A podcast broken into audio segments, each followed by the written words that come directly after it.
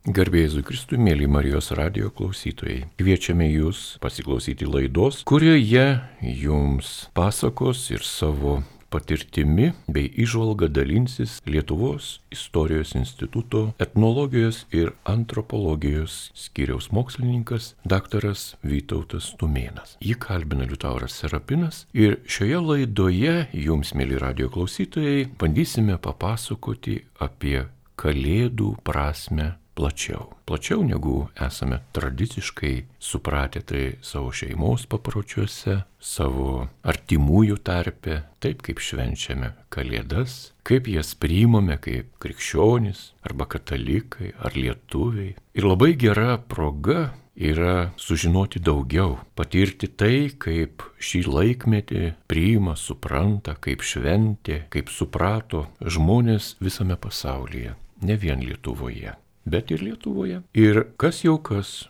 o tikrai istorikai, antropologai, etnologai šioje srityje yra mūsų didžiausia pagalba. Taigi sveikinuosi su mokslų daktaru, istoriku Vytautu Tumėnu. Labadiena, gerbiamas Vytautai. Labadiena. Be galo svarbi šventė Lietuvoje ir ne vien. Nuo ko galėtume pradėti pasakojimą apie Kalėdų prasme, simbolius? Sakyčiau, galima būtų pradėti nuo labai toli, kodėl būtent šis metas yra toks šventinis metas, šventinis laikotarpis. Tai net archeologiniai tyrimai rodo, kad patys seniausi kalendoriai pabrėždavo būtent Saulės aukščiausią tašką, žemiausią tašką ir lygiadienius. Tai yra tarsi keturios rate, keturios kryptis, pačios svarbiausios. Ir ką tai kalba? Tai kalba iš tikrųjų, kad labai buvo svarbu tos prieš priešos, kraštutinumai. Tamsa, šviesa, diena, naktis, ilgiausia diena, trumpiausia diena, lygios tos dienos. Tai taip pat ir net ir pats, pats dangus, pats, pats Dievas ar tas absoliutas buvo įsivaizduojamas labai dažnai netgi kaip Saulė ir Mėnulis. Štai man teko Himalajose būti, ieškoti tokių labiausiai pirmykščių tautų, ir teko ten susipažinti su, su tokia šeima, kurios dailininkas ir, ir toks kaip tikėjimo propaguotojas tik tai 20 amžiaus pradžioj pirmą kartą pavaizdavo jų dievybę. Nupaišė, nes iki tol jie tiesiog žodžiais apie tai kalbėdavo. Nupaišė tokį paveiksliuką ir ten pavaizduota Saulė ir Mėnulis. Sakau, kaip čia taip yra? Sako, čia Donino, čia mūsų dievas Saulė Mėnulis. Tai ir iš tikrųjų tai patys nuostabiausi šviesuliai, bet be kurių mums negalėtum ir gyventi, visos mintys kyla.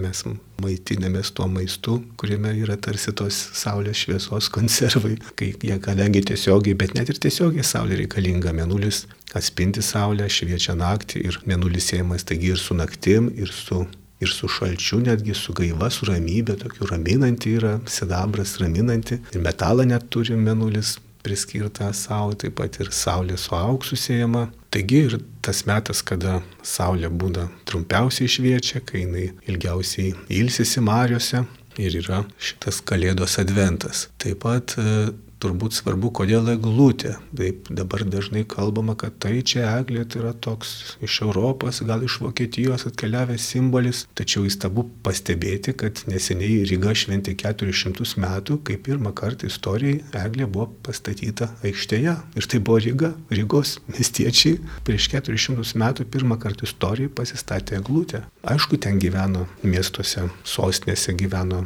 daug įvairių kitų tautų žmonių, bet šiaip ar taip, tai mūsų kraštuose atsiranda gimsta paprotys. Eglė statyti net miesto centre, tai o šiaip eglė, beržai, kiti medžiai būdavo kirtami šventėms, statomi tam tikros teritorijos kampuose ir vežimuose, kuriuose veždavo nuotaką, veždavo mirusį, eglutės netgi ir per esu matęs nuotraukų net ir per vestuves statydavo ir puoždavo namuose vazonėlėje. Tai kai kur net yra minčių, kad eglutės, apverstos eglutės buvo vietoj šiaudinių sodų arba tą patį vaidmenį vaidindavo, taigi eglutės ir puoždavo. Ir vienas iš tokių pošmenų dabar mes puošiame, tai šiaudiniais sodais kartais puošiame, bet senovė tai gal ir paprasčiau tas eglutės puoždavo šiaudinių dirbinėlių, iš popierėlių, kiaušinių, bet dar senesnių žinių mes neturime apie tai, kaip lietuviai eglutės puoždavo. Bet e, įprasta, kad visgi medžius puoždavo juostelėmis, kaspinėlės, nes pasirodo, kad kai žmonės taip įsivaizdavo, kad malda yra žodžiai, bet tą maldą galima įamžinti, paversti tokią pastovę maldą. Tu išeini, o malda toliau skamba. Ir įsivaizdavo, kad audinys iš pradžių tikras audinys, po to to jaudinio atražos, skiautelės ir visoje Europoje, ir, ir, ir Azijoje, daugelį pasaulio šalių būtent taip įsivaizduojame, kad galima įmelsti tą audinėlį ir jį pakabinti ant šventojo paveikslo. Tai yra kaip votas, kaip auka, kaip malda tuo pačiu. Ir tai yra,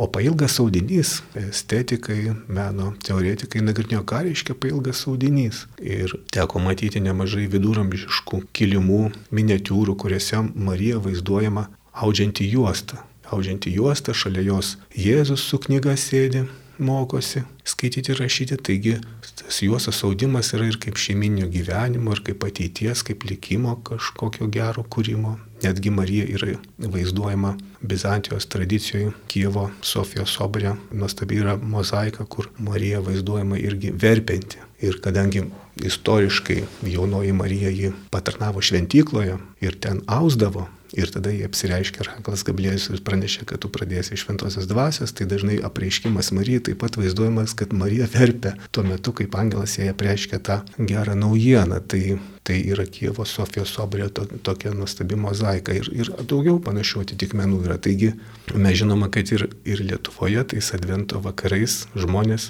o matai, susimdavo, daug ausdavo, kažką ryždavo, pindavo, vydavo ir dabar tai mums taip atrodo, nu tiesiog neturėjo ką veikti, buvo tamsu, nuobodu, tai susirinkdavo ir kažką dirbo. Taip, teisingai, bet įdomu, kad tas sen, seniau tas gyvenimas visas buvo kažkoks vientisas. Kaip dabar mokslininkai sako, sinkretinis buvo tikėjimas. Tai yra tarsi kaip dabar žmonės keliauja į vienuolynus ir tada viskas jiems yra šventa. Visi darbai, visos veiklos, viskas pašvesta Dievui. Tai atrodo, kad senovėje žmogui, tam mitiniam pasauliu viskas buvo pašvesta irgi. Ir štai dėl to tuos amatus, tom amatų veiklom, kuriuom užsiimdamom, tai buvo to, to pačiu ir tokia dvasinė veikla, ir tarsi malda, tarsi kažkokių audinių, tų votų kūrimas, toms kažkoms padangiškoms būtybėms.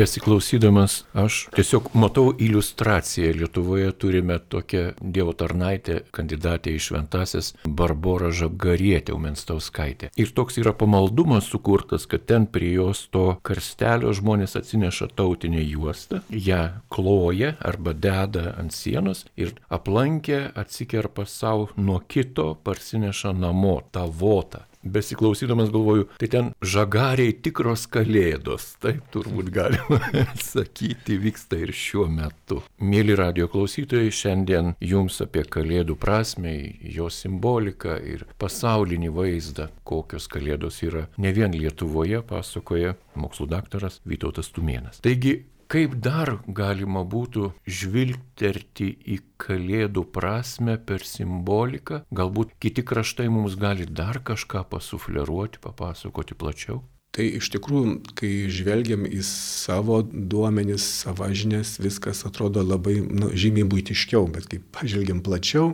vėlgi apie audimą. Ir mokslininkai nustatė labai įdomių dalykų, kad, kad daugelį tos viena pačių seniausių išlikusių poezijų, ten 4000 metų skaičiuojama vedų tradicija, indoeuropietiška, vadinasi, ir mūsų tautosako yra atšvaitų. Tai apie tai, kad malda yra prilyginima audimui. O kas yra audimas? Jeigu žiūrėtume technologiškai, tai yra judėjimas pirmin, atgal. Pirmin, atgal, zigzaginis veiksmas, kaip bičių uliojimas. Ulioti irgi reiškia skraidyti pirmin, atgal. Ulyčia tai yra vieta, kur vaikščiama pirmin, atgal. Nors tai yra slaviškas ir slavizmas, taip. Tai tas audimas reiškia siunti maldą Dievui, Dievas tau atsako arba tu jam kažką dovanoji, aukoji savo meilę, savo dėmesį, savo rūpesį, atgal gražina. Žmogus taip pat, jeigu žmogui dovanoji, iš jo grįžta, ar ne, tai yra meilės mainai, meilės bendravimas. Ir, ir įsivaizduojama netgi, kad tas visas pasaulis yra kažkoks tinklas, kad žvaigždynai tai yra to tinklo, to voratinklio susikirtimuose, kad ir toks ir indros tinklas toks yra įsivaizduojamas, o senosios Europos vinčios kultūroje, kuri buvo neolitė ir dar ankstesnių laikų, yra randama kažkokie tokie kiaušinio pavydalo akmenys, kurie apdengti tinklu. Ir yra tokių minčių, kad irgi matytas tinklas, tai juk tai aišku seniausias drabužis ir galbūt pirmiausia žmogus netgi išmoko austi dėl religinių tikslų, dėl vasinių, ne tam, kad apsirengti. Apsirengti galima kailiu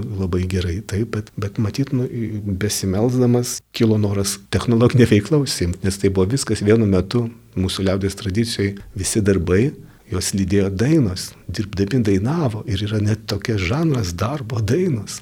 Tarsi nedirbdavo, nedainuodami, maldami dainuodavo, rugių spjaudami, daug ką darydami dainuodavo. Taigi ir dainavimas, ir audimas tarsi yra susiję ir, ir lietuvių tradicijoje irgi, sakykime, lenkai vadina tenšą, tai yra vaivorištė, vėlgi, o tan tai yra kaip ir tinklas, tas pats žodis, tai yra tekstilė, iškia audimas, yra susijęs vėlgi su tempusiu laumės juosta, pati juosta ne šiaip savo vadinama juosta.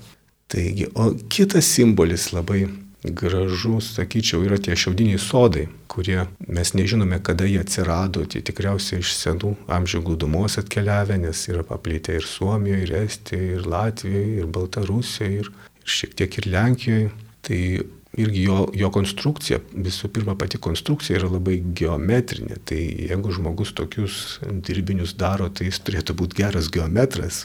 Ir kai mes žinome ornamento istoriją, pavyzdžiui, lapuota žvaigždė, dar lietuvoje vadinama segmentinė žvaigždė, tokia lapuota žvaigždelė rate, tai pagal šaltinius atsiekama, kad tai yra matematikų, Indijos matematikų ir geometrų išrastas ornamentas, kurio būtent dalinamas pasaulis į keturias pasaulio dalis, kaip ir sakau, šiaurė pietus arba žiema vasara, lygiadienis rudens pavasario. Dar kartą padalinamas, taip atsiranda jau struktūra, tą struktūrą galime lapeliais išreikšti ir, ir tai yra aprašyta, apskaičiuota kaip tam tikras geometrinio matematinio skaičiavimo modelis. Tai, ir tai tampa pačiu švenčiausiu ženklu. Ir toj lapuotė žvaigždė netgi yra labai labai, archeologai atradę yra, kad ji yra labai reikšminga buvo ir, ir žydų tradicijoje, ir net yra susijusi su sandoro skrynė, tos ornamentika galėjo būti. Tai taip, kad tas ženklas keliavo ir atkeliavo į Lietuvą ir Lietuvoje taip pat tapo labai savų, labai šventų, labai reikšmingų. O šiaudinis sodas, vėlgi grįžtant prie šiaudinio sodo klausimo, jame irgi labai daug tos taip vadinamos sakralinės geometrijos. Sakralinė geometrija tai yra visokie aukso pjūviai, visokie, kur labai daug ir mitologijos, ir, ir, ir, ir kažkokios mistikos, ir kaip ir muzikoje yra, žinot, ir visi tie septynios stygos, septyni garsai, septyni lygmenys, septyni oktavos. Vis, tai prasme, tai yra tokia sakralinė numerologija. Tai šiaudiniam sodė taip pat yra trikampio reikšmė, trikampio trikampio 45 laipsnių kampų, kuris irgi yra labai sakralus dalykas. Net ir, ir raštas toksai, kuris formavosi viduržėmio jūros baseinė, jame irgi sakraliniam rašte būna trikampiai vyruoja. Tai toks vien jau pati sodo geometrija rodo, kad jis yra arhaiškos kilmės darinys ir laimiai kaimo žmonės išsaugojo tą tradiciją. Žinome, jog šiais metais būtent sodų gamybos tradicija, nors ne, ta žodis gamyba yra tikrai svetimas, jis neišreiškia to, yra įtraukta net į UNESCO paveldo tam tikrą registrą, taip apsaugos tokį kultūrinį veiksmą. Kaip pateko sodai į UNESCO paveldo sąrašą? Pagal UNESCO nuostatas pirmiausia reikia, kad jeigu norima vertybę pagarsinti, reikia, kad ji būtų įtraukta į nacionalinius tautinius registrus. Tai toks Lietuvoje yra sukurtas Lietuvos nacionalinis UNESCO kultūros, nematerialios kultūros paverdo vertybių registras, tai kaip jį įrašyti tą vertybę, kaip pirmiausia, aišku, turi kilti noras, kad taip ir reikia, kad tai padėtų garsinti, kad tai, tai yra įvaizdžio kūrimo dalykas labai stiprus, kad e, visuomenė apie tai labiau sužinotų, kad valstybė prisidėtų, bent jau savivaldybės, kad prisidėtų, kad labiau būtų žalia šviesa puoselimas būtent tas amatas. Iš tikrųjų visiems matai vertingi, bet gražu, kai turime ir tam tikrus prioritetus. Bet tam, kad galėtume įtraukti į kokį nors savadą, turi būti bendruomenė, turi būti daug žmonių, kurie rūpinasi, kurie myli, kurie to gyvena ir kurie, galima sakyti, užtikrina, kad nu, jie kiek galės, tai jie tą dalyką puoselės. Tada turi būti planas tam tikras penkių metų ir taip toliau, strateginis planas, ką veiksime, kokias ar parodas darysime, ar koncertus, edukacinius renginius, visas planas. Tada patvirtina nacionalinis registras. Ir jau kai yra nacionalinis patvirtintas, tada galima kreiptis į tą jau pasaulinį ir čia kultūros ministerija padeda irgi tam tikrais savo resursais ir, ir, ir žiniomis ir visokiais formaliais dalykais, kuriuos reikia pildyti. Ir filmas yra kūriamas, ir mokslinė apklausa daroma, aš veikčiau mokslinę apklausą audėjų, sodų ryšėjų, tiksliau čia vėl matot prasprūdo. Aš nesiniai atradau, kad šiaudiniai sodai yra tekstilės technologija, nes jie ryšami be siūlo šiaudinio sodo. Nesujungsi, viduje yra siūlas, reiškia, tai yra varatinklis, tai yra audėjiška technologija irgi. Dėl to mes apie tos audimus ir pradėjom. Taigi ir tai yra tų audėjų, jos buvo pavienios, bet Marija Liugienė, garbinga tautodalininkė, sugalvojo, kad reikėtų sukurti bendruomenę, suburti jos. Ir kasmet su, suvažiavimai vyksta, jie ten ir knygas leidžia, ir edukacijas, ir bendrauja. Ta prasme, tai yra tvirta bendruomenė. Tai ta bendruomenė pamastė, kad norime įtraukti šitą garsį pasaulio Lietuvą per šitos sodus ir labai džiugu, kad tai pavyko. Tikrai turime kuo pasidžiaugti. Gerbiamas Vytautai, gal galėtumėte radio klausytojams priminti, kas dar iš Lietuvos yra įtraukta į šitą garbingą UNESCO sąrašą? Įtrauktos sutartinės, įtrauktos dainų šventės ir kryždirbystė. Ir čia vėl labai svarbu pabrėžti, kad kuom skiriasi materialusis paveldas, medžiaginis paveldas ir dvasinis arba nematerialusis paveldas. Tai nematerialusis dvasinis tai yra ne muziejinė vertybė, Tai nėra toks paveldas, kurį mes saugome draudimais ir baudimais. Ten tu per aukštą padarai, per, sau, per siaurą, per didelį, netaip užstatėjai. Tai, tai materialiam paveldą. Ten būtent labai daug kas, ne viskas, bet daugelis dalykų yra griežtai ir per draudimus. Nematerialiam paveldą jis yra gyvas, jis kinta, tai yra kaip ir etinė kultūra, jisai ginta, jis gali modernizuotis, jis gali vėl grįžti atgal, tai gali būti ir rekonstrukcijos, ir tai ko nebuvo jau dabar, bet kažką iš at, at praeities atkuriam, tai, tai yra gyvas, gyvas reiškinys. Mėly radio klausytojai, šiandien laidoje vieši etnologas, antropologas, mokslininkas dr. Vytautas Tumėnas ir kalbame apie kalėdų simbolių. Jūs ypatingai Vytautai esate, na, skirias daug dėmesio tautinių raštų, kuriuos randame rūbose, tautinėse juostose, priejuostėse ir visokiausiuose apklotuose ir kur kitur esate šitam skirias labai daug laiko, daug dėmesio. Ir tie va tokie matomi simboliai raštai, ar būtų saulutė, ar būtų trikampis, ar būtų kryželis, ar dvigubas, ar viengubas, ar apskritimas ir taip toliau, jie yra labai turbūt seni. Ar jie turi ryšį ir su kalėdų šventėmis pasaulyje, ne vien Lietuvoje, kaip žmonės švenčia ir kitų tikėjimų, ir kito mentaliteto, ir kitokio kultūrinio patyrimo. Gal sakyčiau, tie ženklai tiesioginio ryšio, galbūt galėtume pamastyti, kokius ženklus, kuriant kalendorių ir mėnesius, kuriant kokius ženklus galima būtų pritaikyti, bet tai yra tik užuomina ir pritaikymas. Iš, iš tikrųjų tokio yra rūnų kalendoriai, kuriuos ir Lietuvoje kurdavo, ir ir tomis runomis rašydavo krikščionys Skandinavijoje, tai buvo visiškai įprastas dalykas. Lietuvoje taip pat tokių kalendorių 16 amžiui to pačios stiliaus netgi kūriama buvo ir naudojama. Tai ten yra visai kiti ženklai ir astronomijos istorikai tikrai geriau tuos dalykus už mane išmano, labiau, kad žodžiu čia niekur labai ir nepapasakosi, nes negali parodyti. O, o jos ornamentai, jie yra labai arhaiški, atkeliauja iš labai senų laikų, yra kompozicijos principai nuo neolito laikų, eneolito dar vadinama arba halkolito laikų, galima atsekti komponavimo principus, o atskiri ženklai ir pats juosų dekoras jis labai klestėjo gotikos laikais. Ir muziejuse galima rasti Europoje labai įdomių atitikmenų ir bažnyčios įvairius apklotai, arnotai, net neįteko Londone susižavėti kunigo tokiu apsaustu, kuriame vaizduojamos Kristaus ir šventųjų kankinimo scenos ir, ir visokiais tokiais lietuvių juostų raštais padengti tie šventųjų drabužiai.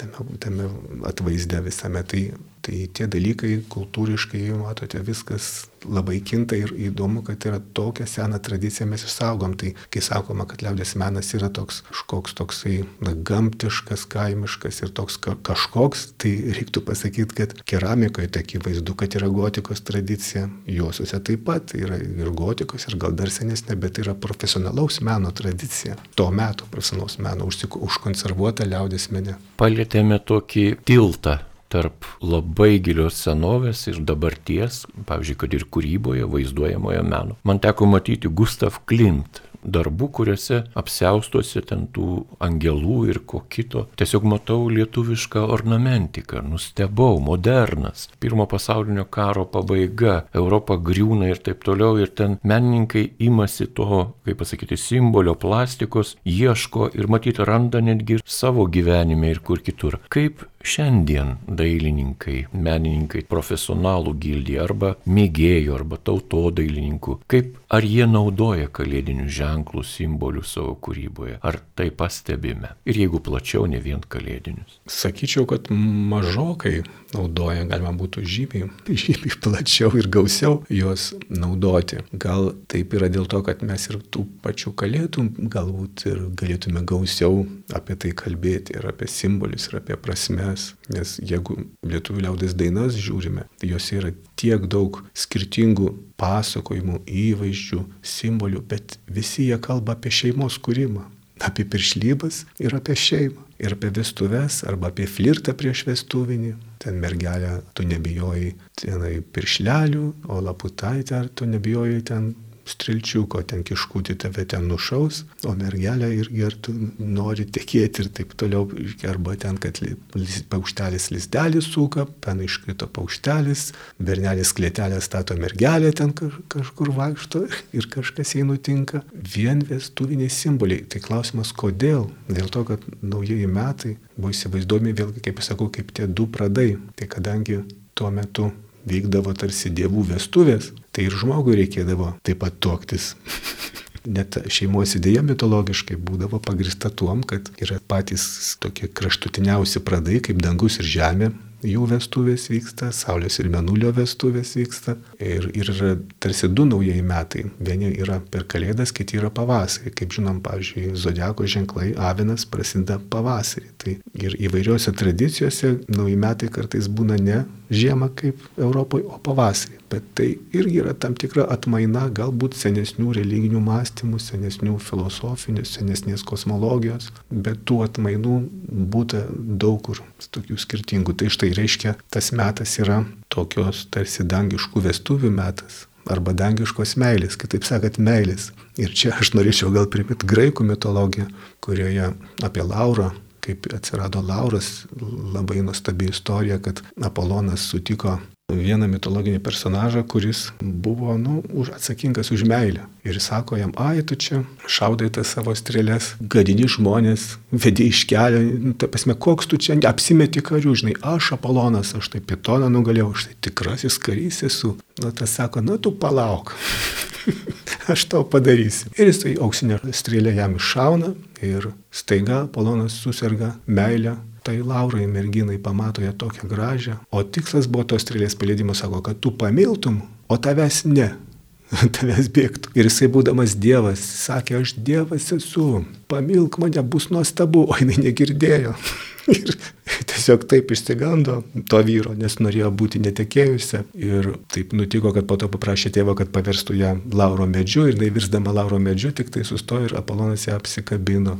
Ir tada Vienu žodžiu, jis jai savo meilę rodė ir bučiavo tą medį ir jautė širdį tą medį plakančią. Ir tai yra tokia nuostabi, romantiška, bet iš tikrųjų labai arhaiška meilės istorija. Bet mintis ta, kad, parodė, kad dievai norėjo parodyti, kad meilė ne karingumas, ne vyriška gale, o būtent meilė yra visagali, nes jinai visiems yra pats svarbiausias dalykas gyvenime. Mėly radio klausytojai, šiandien su jumis savo įžvalgą dalinasi mokslo daktaras Vytautas Tumėnas ir kalbame apie kalbą kalėdų simbolika platesnė prasme, negu esame įpratę savo šeimuose ar parapijose girdėti. Visa tai yra be galo vertinga, tai sudaro mūsų dabartį ir mūsų pasaulė žiūrą ir mūsų pasaulė jautą ir sudaro mūsų tradicijų krūvį, kuris žinoma teikia labai daug vilčių, kai bandome suprasti savo ateitį. Kalėdų šventės yra tokios šventės, kurios šiuo metu yra nukankintos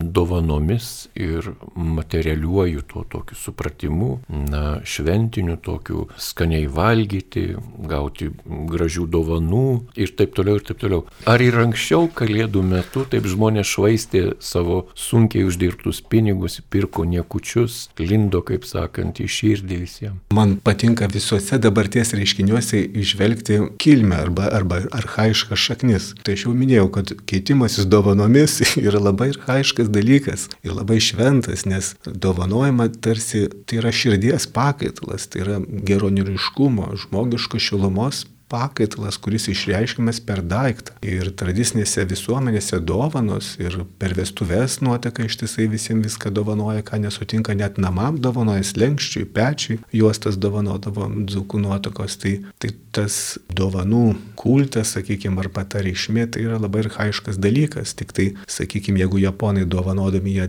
tiek gerai giliai apmąsto apie žmogų, kokia jam spalva, ką jis pasakys, ta dovana, kaip, kaip jis jaučia, ko jam reikia ir kai tu gauni dovaną, tu dar gali gerą valandą mąstyti apie save ir ką čia tau norėjo pasakyti ir kažką dar suprasti apie save ir būti iš tos dovanos. Tai sakykime, tas ir vėlgi dovanų požiūris į dovanas taip pat skiriasi. Vienose kultūrose labiau svarbu brangios dovanos, kitose svarbiau, kad jos gražios būtų, dar kitur, kad būtų paprastos, bet nuoširdžios. Štai pavyzdžiui, Egipto civilizacijai pastebėta yra, kad Egipto juvelyrika nėra brangi, kad nebrangumas ten buvo svarbiausia, o sakrali reikšmė kad tai būtų magiškai galingas kažkoks akmuo, kad jos spalva būtų simboliškai svarbi, kad pats atvaizdas būtų labai reikšmingas. Tai tą mokslo istorikai, meno istorikai pastebi, kad Egipto juvelyrika ne, nebrangieniškumas buvo svarbiausia, kad jo brangumą juvelyrikos sudarė kitos, kiti sandai.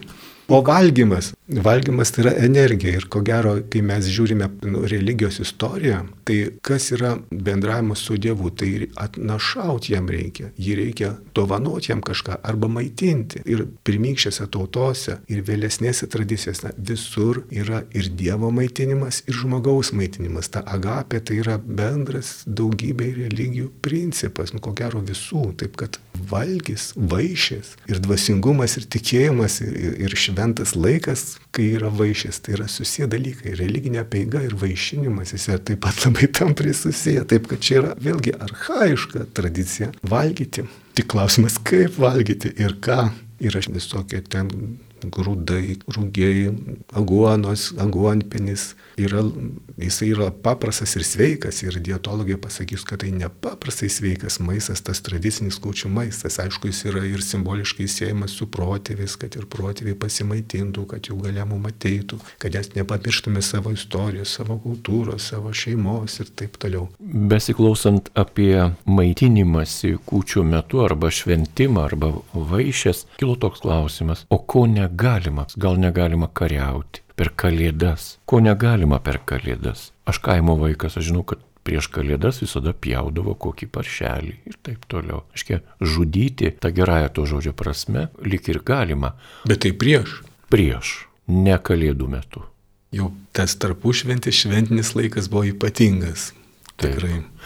O antropologai, etnologai, ką pastebite, ko žmonės nedarydavo kalėdų metu? Turbūt visi amatai, kurie apipinti pasakomis ir legendomis, reiškia, kad tie buvo kažkokie labai reikšmingi tradicinė kultūra ir buvo gili simbolinė ir perkeltinė prasme, jiems teikia maginė prasme ir laikas taip pat, kuo laikas tirštesnis visokiais tikėjimais, draudimais ir linkėjimais ir laiminimais, reiškia, tuomis reikšmingesnis, tuom tai yra gal didesnė šventė, tuo didesnė įtampa ir skirtumas. Vėlgi tie kontrastai, opozicijos buvo labai svarbios senovės žmogui. Ir yra šventinis laikas, darbo laikas, yra tai, kad turi būti skirtumas. Žinotas žmogus, nežinotas vyras, moteris, skirtumai buvo pabrėžiami. Tai tas laikas vėlgi daug yra turbūt sunku būtų net ir suspėti išvardinti visus tokius apribojimus, kurie buvo prasmingi, ta prasme, kad jeigu tai šventinis laikas, tai nedirbama, jokių sunkių darbų nedirbama. Tai nesakau, kad ten pečiaus negali pasikurti, nes yra ir tokių tradicijų, kur visai draudžia bet ką daryti, ar ne, jokia rimtesnė ūkinė veikla. Bet, bet rimtų darbų jau, jau nedaro. Taip pat netgi neaudžia. Būtent sakoma, kad jeigu ausi, tai dar gali ir, ir lygą prisišaukti, ir, ir avis ten susirgti. Tai net atrodo, kad audimas tai visą kosmosą nes veikia, nes ausdavo. Žiemą visi labai ausdavo. Tai, o jau šventiniu laikotarpiu sakydavo, kad netinka, reikia, kad ten arba brokas buvo susipainios ten tiesiūlai ir visa kita. Taip pat už švenčių metu eidavo gyvulių klausyti, nes buvo tokios kalbos sklido, kad yra, tai būna žmonėm, kad nutika, kad galima išgirsti kalėdų naktį gyvulių kalbą ir suprasti, ką jie kalba. Taip pat tai buvo toks laikas, kada jau baigdavo darbus dirbti, nes būtent advento metu labai intensyviai mes žinoma, kad rinkdavosi į namus, dainuodavo, žaisdavo, jokaudavo, ypač jaunimas ir dirbdavo moteris vienus darbus, vyrai kitus darbus, po to mesdavo ir ten pradėdavo žaisti. Visai kartais bedirbdami bernai sugalvodavo, kad reikia padegti kokį nors kuodelį beverpę man, kad linksmiau būtų, kad tada darbas nutrūkdavo, dainuodavo daug, tai, tai visa tai vykdavo tarsi iki advento laiko. Na, o einant laidą į pabaigą, kai kalbame apie tą simbolių supratimą, dar porą žodelių apie dainuose esančius simbolius. Jau minėjote šiek tiek, bet kokie simboliai dainuose, kalėdinėse dainuose išliko iki šių dienų, kur dar kaimuose ar miestuose etnografiškai nusiteikę žmonės gėda dainuoja. Tai dabar jau mes gyvenam tokių ypatingų civilizacinių laikmečių, kai ir įrašų daug yra iš senų laikų ir juos galima paklausyti ir galima iš natų atkurti tas dainas ir jas padainuoti ir vėl tai galimybė girdėti, išgirsti tikrai yra ir net tada, kai ne vien tik tai, kai dainuoja žmonės namuose arba, arba ansambliuose, o iš tikrųjų pasaulis tų advento kalėdų dainų yra labai turtingas ir yra nemažai simbolių, kurių mes nelabai ir suprantam, jie yra jau tokie arhaiški, keisti, visas pasakojimas turi keistą prasme. Aišku, sakoma, kad tai yra nemažai dainų, juose dainuoma apie tai, kaip mergaitė arba vaikinas, kaip jie tampa suaugusiais, subrendusiais. Tai yra akivaizdžiai, kad yra kažkokių tai iniciacijų arba sakramentų tam tikrų tų senųjų atgarsis. Ir tai yra labai paprasta, ta prasme galima tiesiog žaisti, dainuoti ir dainavimo metu ir žaidimų metu tuos jaunuolius, kurie jau gali kalbėti apie meilę ir galvoti apie vestuves ir įsimylėjimus ir visokius flirtus ir koketavimus, juos pakilėti tą jaunimą. Tada galima eiti ir jaunimo šokius, su jaunimu bendrauti. Tai advento metu būdavo labai daug tokių žaidimų, kuriuose dainuojame ir grįžkime mergos Jėvaro tiltą ir sako, kad tai, tai tu nusteigi čia paimė tą dabar mergelę, bet ten kačių piemenaitė, ten visokia jokia, ten ne, ne, ne tokia jau mergina, kuri gali tikra subrendusi mergina meilė ir vestuvėm. Ne, jinai netokia, jinai tik tai mergiotė, kačių piemenaitė. Dabar kodėl tas amalo tiltas, amalas stipriai veikia centrinę nervų sistemą, tai yra toks, nu, mediciniškais ypatingas augalas. Tai ir iš tokių dalykų mes galime matyti, kad tam tikrų svaiginančių dalykų senų senoviai irgi žinota kurie sukelia, padeda sukelti transo būseną arba kažkokias aiškirygystės arba dvasinių gebėjimų arba tėlių kažkokiu, tai visais laikais visur, visose kultūrose to buvo. Be to amalas tai ir Europoje labai gerai žinoma, net ir, net ir Biblijoje apie tai rašoma, ir Frezeris yra rašęs nuostabią knygą apie amalo šakelę, kad Europoje tai po amalu galima bučiuotis, nes šiaip viešai bučiuotis senoji tradicija buvo draudžiama. Tai jeigu nori pasibučiuoti ir taip, nu, tiesiog parodyti merginai, kad tu esi drasus ir jau taip myli, kad gali ir prie tėvų pabučiuoti ir apskritai jau nori pasakyti, kad jau to įvesi, tai atsineši tą arba kad nori stipriai bendrauti, jau labai apsisprendęs, tai atsineši amalą šakelę, pritaiso virš namų durų, įsikačia mergaitė ir ten nepabučiuoja, sako, aš tave myliu. Ir tai tas amalas daug kur Europoje yra siejamas su, su tom piršlybų, vestuvių, meilinimuose idėja.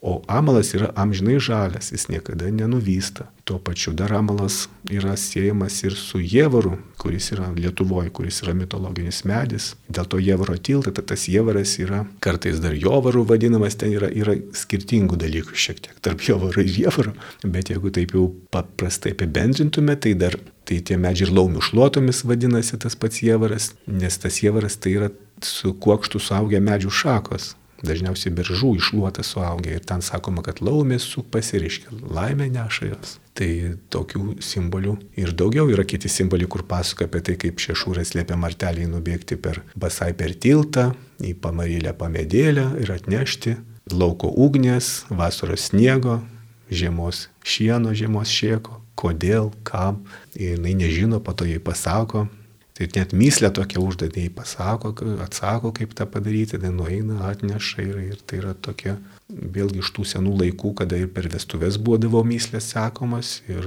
ir ne tik per vestuvės, tai štai tas myslių minimas ir atminimas buvo labai tokia reikšminga, ne tik tai galvos lavinimo prasme, bet ir tam tikro, nu čia kaip egzaminas šio laikinis, bet tos myslės tai rodo, kad mąstymas žmogaus, supratimą apie gyvenimą, apie palyginimus, apie kodus, tai yra tiesiog mokymas simbolinio mąstymo būdavo, mislėse, mislėmis mokydavo to kodinio mąstymo, kaip ir Jėzus sakė, aš kalbėsiu palyginimais, tai senoji kalba, dievų kalba yra palyginimų kalba, metaforų, simbolių, tai visada užkoduota.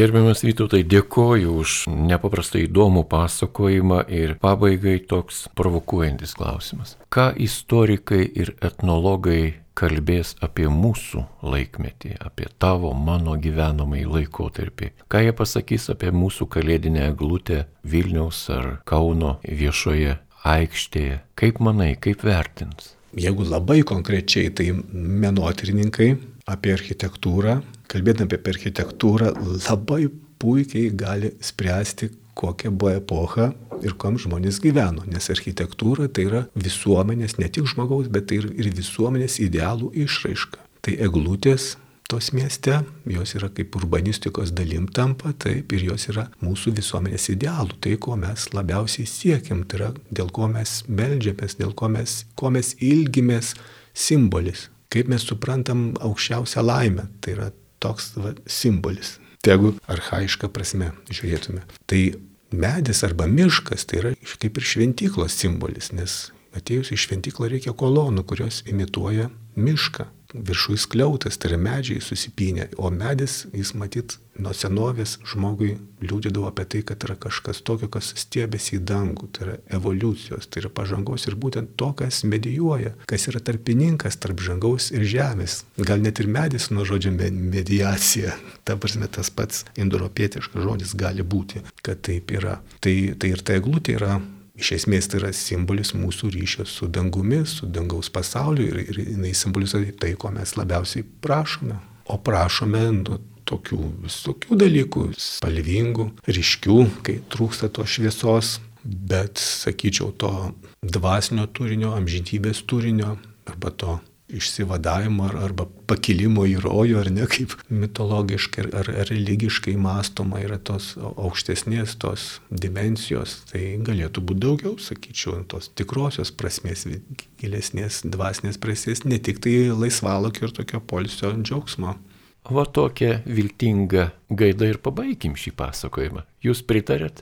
Gerbiamas Vytautai. Žinoma, kodėlgi ne, ačiū labai. Palinkėtumėte radio klausytojams, kurie žengia į Kalėdų šventę, žengia į naujų metų šventę, žengia į gimusio Dievo mūsų tarpę minėjimą ir savo asmeninį gyvenimo laikotarpio akcentą. Taip, tai turbūt tikrai visi visada nori būti laimingi, tai kad visi galėtų būti laimingi, kad, kad ta laimė, kad tie naujieji metai ir šis laikmetis atneštų tą laimę, o laimė yra meilė, tai kad tos meilės, ramybės būtų daugiau, kad galų gale meilė ir laimėtų ir mūsų santykiuose, ir pasaulyje kad būtų mažiau to smurto, kad tiems, kuriems to smurto reikia, kad jie kažkaip kitaip laimingi būtų, kitų būdų tą laimę patirtų, nebūtinai tik šitaip laimė, juk kad galų galia viskas, kas praeina, tai Dėkojame gerbiamam Vytautui. Mėly radio klausytojai, jums šiandien pasakojo Lietuvos istorijos instituto etnologijos ir antropologijos skyriaus mokslininkas menotyrininkas daktaras Vytautas Tumėnas. Jį kalbino Liutauras Serapinas linkėdamas jums ir toliau likti su Marijos radiju.